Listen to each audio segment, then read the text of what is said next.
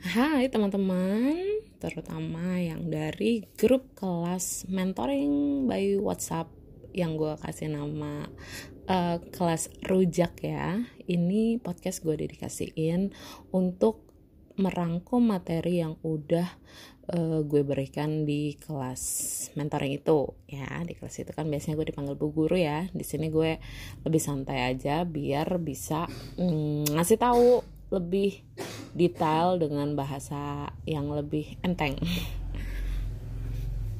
Kemarin pertama kali kita opening adalah dengan pertanyaan kurang lebih pertanyaannya gimana sih eh, apa alasan orang membeli satu produk atau jasa ya kan nah dari mulai per, uh, dari melalui pertanyaan itu dari situ kita akan tahu uh, bahwa ada dua alasan orang membeli produk itu.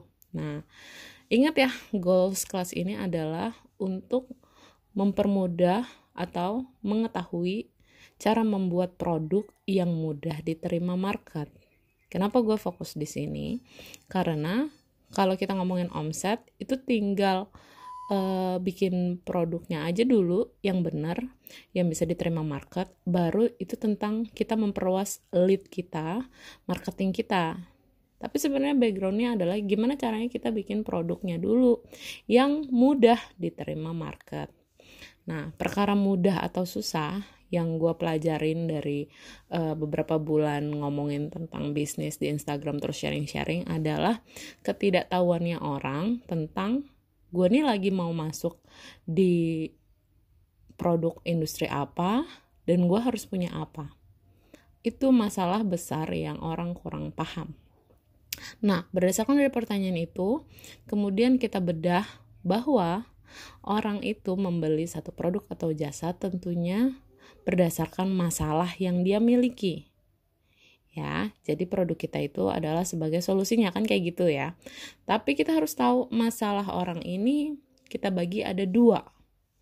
Ya, masalah emosional dan masalah fungsional. Ya. Nah, dari masalah ini makanya uh, ada dua jenis produk. Pertama produk emosional dan produk fungsional. Nah, ternyata uh, banyak yang bingung bukannya satu produk bisa uh, punya manfaat emosional fungsional jadi cara nentuinnya kayak gimana? Nah ingat ya cara nentuinnya semudah ini. Patokannya adalah apa yang menjadi alasan pertama orang itu membeli produk atau jasa itu produk lebih ke produk dulu. Apa alasan pertama orang membeli produk itu Ketika alasan pertamanya adalah emosional, maka produk itu adalah emosional produk. Ya. Ketika alasan yang pertama kali bikin orang membeli itu adalah fungsional, maka produk itu adalah fungsional produk. Ingat, bukan berarti emosional produk tidak memiliki manfaat fungsional, tapi alasan pertamanya, ya. Contohnya gini, orang beli senter karena dia butuh untuk menerangi uh, untuk penerangan. Itulah fungsinya senter.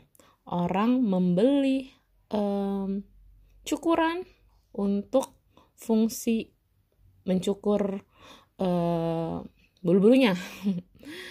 Orang membeli shampoo untuk fungsi dia uh, apa membersihkan rambutnya.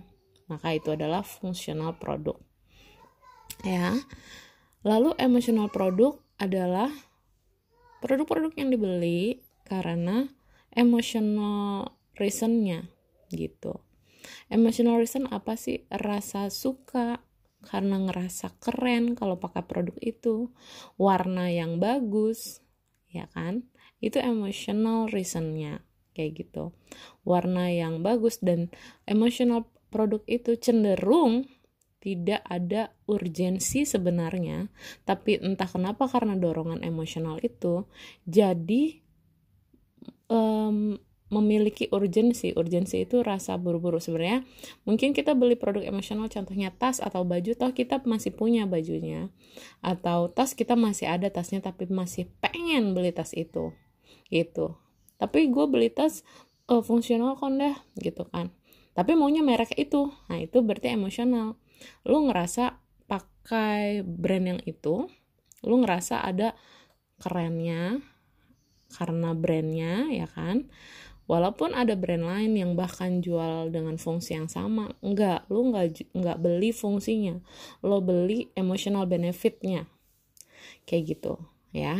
Jadi produk itu ada produk emosional produk fungsional. Yang pertama kali kemudian di hari eh, pertama gue bahas adalah tentang emosional ketika sudah paham emosional produk ya Lalu bagaimana caranya kita memenangkan persaingan di emotional produk? Nah, ini yang banyak teman-teman miss ya. Dia nggak tahu eh, apa yang harus dia punya ketika dia masuk emotional produk, tapi tahu-tahu bikin emotional produk. Lalu kemudian suka curhat sama gue, e, gimana ya kak kalau misalnya uh, saya kok jualan baju atau ini atau ini kok susah jualannya? Iya karena dia nggak paham. Dia itu sedang memilih emotional produk. Untuk emotional produk ada cara tersendiri untuk bisa menguasai pasar atau memenangkan persaingan. Untuk fungsional produk pun ada caranya, beda. Jadi yang harus kita pahamin adalah kita mau ngambil produk emosional apa fungsional. Karena cara untuk memenangkannya beda. Paham ya? Bagi yang akhirnya sadar oh produk gue emosional nih. Gitu kan? Karena uh, emosional produk gitu. Uh, apa dibeli berdasarkan uh, emotional benefit gitu. Bukan karena fungsinya. Maka kalian harus tahu cara memenangkan persaingannya kalau nggak mau kesulitan untuk bisa berjualan. Memenangkan itu maksudnya menjualnya tuh jadi mudah. Kayak gitu ya. Nah untuk emotional produk yang harus kalian uh, lakukan adalah belajar dari brand-brand yang menjual emotional produk. Nah, tentu saja kalau kalian bisa lihat brand-brand besar nih contohnya kalau di mall gitu yang yang jual emotion produk brand-brand besar yang harus mereka miliki. Ini mungkin agak agak sedikit saklek tapi emang nyatanya adalah seperti itu. Yang pertama kali harus mereka miliki adalah modal yang besar. Kenapa? Karena untuk membranding uh, satu produk menjadi punya kesan tertentu dia butuh banyak modal pertama. Dia butuh branding strategi yang benar-benar bagus. Kemudian dari strategi itu diaplikasikan uh, ke marketnya dengan bukan cuma sekali, bukan cuma sekali. Ada repetition di sini, pengulangan, pengulangan value emosional dari uh, brand itu. Berarti untuk memenangkan itu kita harus punya modal yang sangat besar ya. Kalau ngerasa langsung shock ya wajar karena mungkin banyak yang nggak pernah bahas ini. Tapi memang faktanya untuk emosional produk kita harus bersaing. Cukup sengit di sini yaitu modalnya yang besar dengan cara kita uh, pakai model yang paling bagus, emotional story-nya kita setting yang paling bagus, ya. Kemudian kita uh, bikin tim yang bikin website yang bagus ya. Terus semuanya harus komplit di emotional product yang kita punya makanya modal kita harus besar. Paham ya? Lalu ada yang bertanya nggak ada cara lain kak selain emotional uh, produk itu harus punya modal yang super besar ya. Dulu jujur aja dulu nggak ada caranya ya. Lo bisa lihat brand-brand baju yang udah hadir sebelum era internet ya memang harus punya modal yang cukup besar ya. Nah tapi sekarang kita seperti dikasih kesempatan untuk pertama kita punya media kita sendiri untuk publikasi melalui sosial media ya kan? Kita punya media sendiri yang bisa kita pakai untuk publikasi baik organik. Organik itu natural kita posting ada yang lihat terus suka terus uh, sharing sama temennya akhirnya produk kita dikenal atau berbayar. Jadi kalau berbayar itu kita lebih seperti punya agensi iklan sendiri kita yang nyeting sendiri iklannya kita yang mau tahu berapa uh, orang yang ngelihat iklan kita kayak gitu. Tapi tetap aja ada caranya uh, sendiri untuk bersaing di emosional produk. Nggak bisa cuma punya skill yang bisa memancing banyak lead atau banyak orang yang ngelihat produk kita terus toto suka beli. Nggak kayak gitu ya. Itu penting tapi itu tidak cukup. Yang harus kita miliki adalah yang gue lihat ya. Hmm, contohnya kemarin gue di kelas ngasih tahu satu brand namanya Vanilla Hijab. Kalau lo tahu dia hijab yang startnya tuh dari dikenal dari Instagram seorang anak kuliah yang kemudian mencari gila gitu ya. Apa yang buat dia menjadi brand besar seperti sekarang? Oke okay lah mungkin jajarannya itu nggak seperti brand-brand yang ada di mall tapi untuk di internet dia cukup besar dan dia menjangkau malah banyak uh, marketnya. Thanks to internet ya. Tapi untuk bisa seperti dia lo harus tahu apa yang dia lakukan pertama. Yang pertama dia lakukan adalah deliver emotional story. Ini yang jarang orang lakukan, padahal ini adalah poin powernya, emotional story-nya. Kenapa lu mulai usaha ini, emotional produk ini? Apa passion lu? Apa background lu kalau ada kisah sedih di dalamnya masukin karena itu bakalan bikin emotional uh, attach apa ter apa orang terikat secara emosional di produk lo ya baru kemudian dia tambahin emotional value sebenarnya emotional story itu maksudnya emotional value tapi paham ya emotional story ini lebih ke fondasi cerita awal uh, dari si pemilik bisnis ini ya. Kalau emotional value tambahannya value added tambahannya itu seperti foto yang bagus ya website yang bagus ya kan? Uh, iklan yang bagus eh sorry foto yang bagus uh, apa konsep yang bagus jahitan yang bagus tentunya produknya yang bagus gitu emotional editnya gitu kan. Sebenarnya banyak itu kalau dibedah tapi kurang lebih rumusnya emotional sto uh, story emotional value plus reputation. Jadi setelah itu kena di hati masyarakat kita tinggal uh, sebarkan pesan itu lebih luas lagi. Kita bisa pakai digital marketing kalau memang uh, itu medianya yang mau dipakai sebenarnya itu media alternatif bisa marketing offline atau online tapi asik banget sih emang online. Nah tapi yang banyak orang nggak paham adalah tahu-tahu uh, dia pikir hanya dengan foto bagus ya kan? Foto bagus kemudian kemampuan digital marketing mungkin berpikir kalau orang itu mudah langsung membeli. No Makanya untuk emotional produk itu sangat yang paling poin kuat adalah emotional story-nya. Emotional story itu makanya banyak yang belajar sekarang uh, storytelling. Sebenarnya gue bisa ngajarin ini, ada sebenarnya caranya, ada polanya. Tapi banyak yang nggak tahu. Akhirnya apa? Berjualannya susah. Kayak gitu, ya.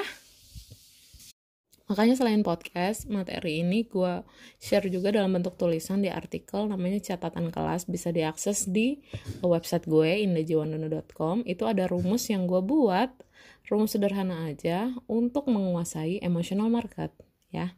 Produk emosional yaitu emotional story ya. Ini satu part aja lo harus pikirin bener-bener emotional story-nya, cara pengemasannya. Plus uh, emotional value added ya. Mulai dari foto yang bagus testimoni yang bagus ya. Baru abis itu repetition. Repetition itu pengulangan value loh. Melalui apa ya? Iklan ya yang kayak gitu. Atau bisa aja terjadi karena lo bikin satu konten konten yang sangat emosional sampai akhirnya orang mau atau uh, tergerak untuk repost repost repost. Sehingga ada repetition organik sendiri. Kayak gitu. Paham ya? Oke. okay. Kemudian di hari berikutnya, gue ngebahas tentang fungsional produk. Produk yang dibeli karena alasan awalnya itu adalah berdasarkan fungsinya. Ya. Nah, kemudian gue ngajukin satu pertanyaan kan udah jelas ya kalau emotional produk itu berdasarkan uh, awalnya itu orang ketertarikan emosional terhadap produknya ya kalau fungsional adalah karena fungsinya.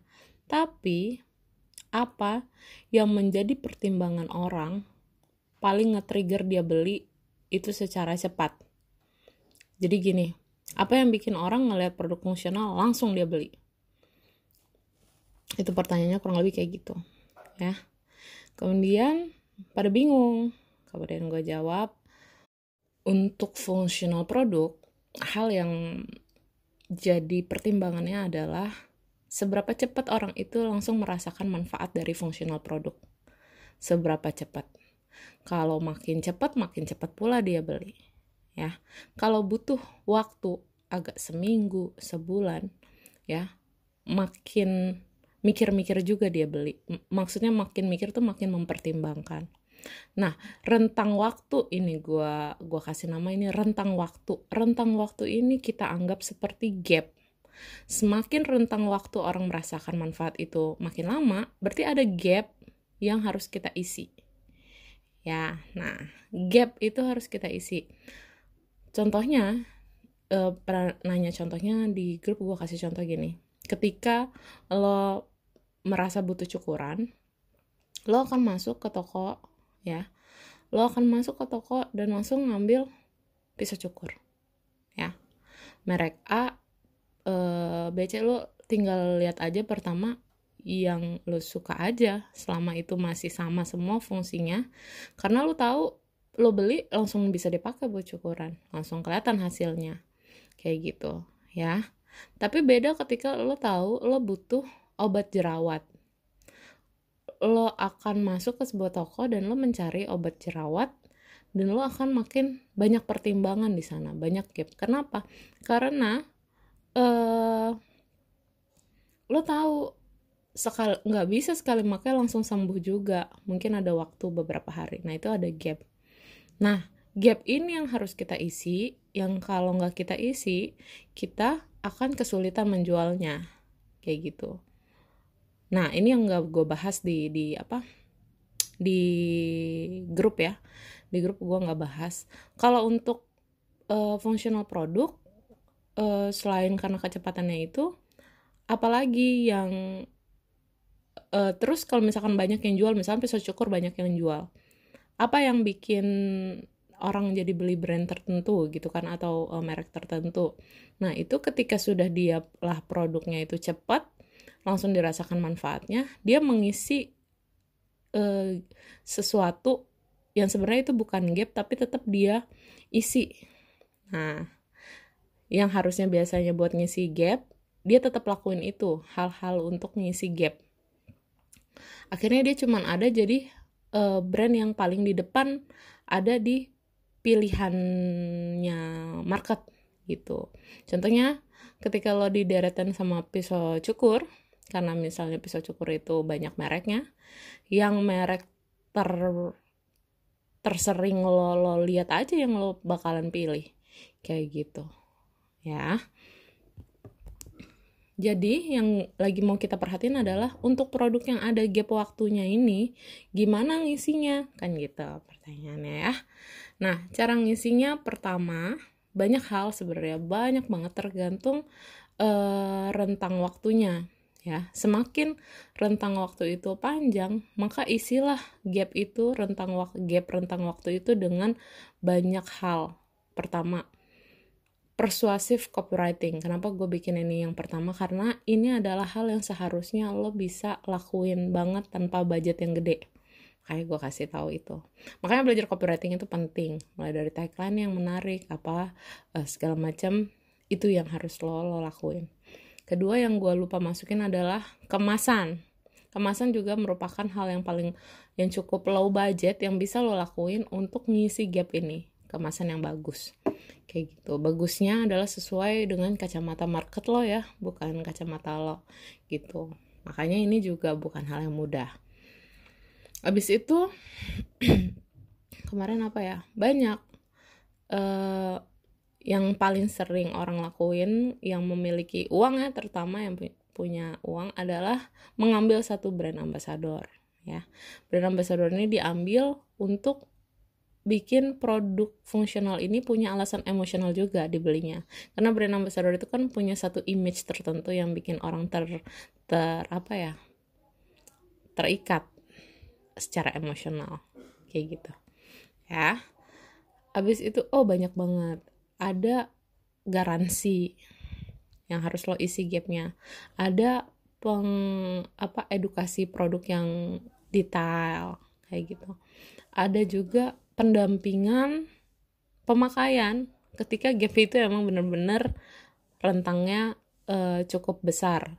Salah satunya tadi di grup ada yang bilang produk saya baru dirasakan setelah tujuh bulan. Ya udah lo harus bikin pendampingan. Kayak gitu ya belum lagi ada bonus ya. Bonus ini untuk menyeimbangkannya bisa lo kasih bonus yang emosional produk. Misalnya kalau sampo lo uh, kasih bonus hair cap uh, atau uh, handuk yang cantik ya emosionalnya kayak gitu. Ya oh sorry bukan sampo masa sampo pakai hair cap ya. Misalnya lo uh, alat mandi ya kan fungsional. Lo uh, kasih bonus hair cap yang kayak gitu-gitu emosional produk atau mungkin dompet cantiknya. Nah jadi penyeimbangannya itu adalah uh, ngasih bonus yang emosional jadi untuk ngasih rentang gapnya itu lo bisa kasih bonus emosional produk ya yang lucu-lucu gitu loh. Mulai ada gambaran ya kenapa oh pantesan yang brand ini kok dia pakai uh, hadiahnya tuh nanti dompet cantik ya kan? Atau dikasih ini dikasih itu. Memang itu adalah penyeimbang untuk mengisi gap ya. Gap rentang waktu itu kayak gitu. Paham ya? Jadi kalau semakin panjang gapnya maka masukin banyak hal di situ untuk ngisinya ya. Kayak gitu ya. Mulai dari pelayanan after salesnya juga itu lu janjikan tapi di depan. Misalnya menggunakan produk ini juga bisa mendapat pelayanan kami 24 jam. Makanya untuk fungsional produk suka ada namanya suara customer yang uh, bebas pulsa. Kayak gitu. Mulai ada gambarannya. Nah, teman-teman, itulah kurang lebih uh, yang bisa gue sampaikan tentang bagaimana caranya bersaing tergantung pilihan lo ya, mau emosional produk atau fungsional produk, kayak gitu. Semoga bisa jadi gambaran karena ini sangat fundamental dan memang seperti itulah cara kerjanya. Kayak gitu. Hal-hal seperti ini tidak boleh lo abaikan karena apa? Nanti lo kesusahan ngejualnya. Ya seperti itu. Nah gue berharap mulai banyak ada gambaran nih tentang mau lo tuh bisa kemampuan lo tuh di mana gitu. Ketika lo mau maksa mau produk emosional nggak akan gue larang juga dong. Walaupun gue bukan di bidang produk emosional tapi lo harus tahu apa yang lo harus punya. Kayak gitu. Pilihannya duit yang banyak atau pinternya lo bikin eh, tadi rumusnya emotional story emotional value added plus repetition itu rumusnya. Untuk functional produk adalah lo tahu rentang waktu produk itu akan dirasakan dan lo isi gapnya. Rumus itu aja. Basic itu aja. Gue harap bisa masuk banget ke dalam benak dan sanubari lo agar bisa mempermudah lo kemudian mengambil kesem, uh, apa mengambil keputusan jadi tidak gegabah tidak asal. Oke nanti kita lanjut lagi di materi berikutnya. Bye bye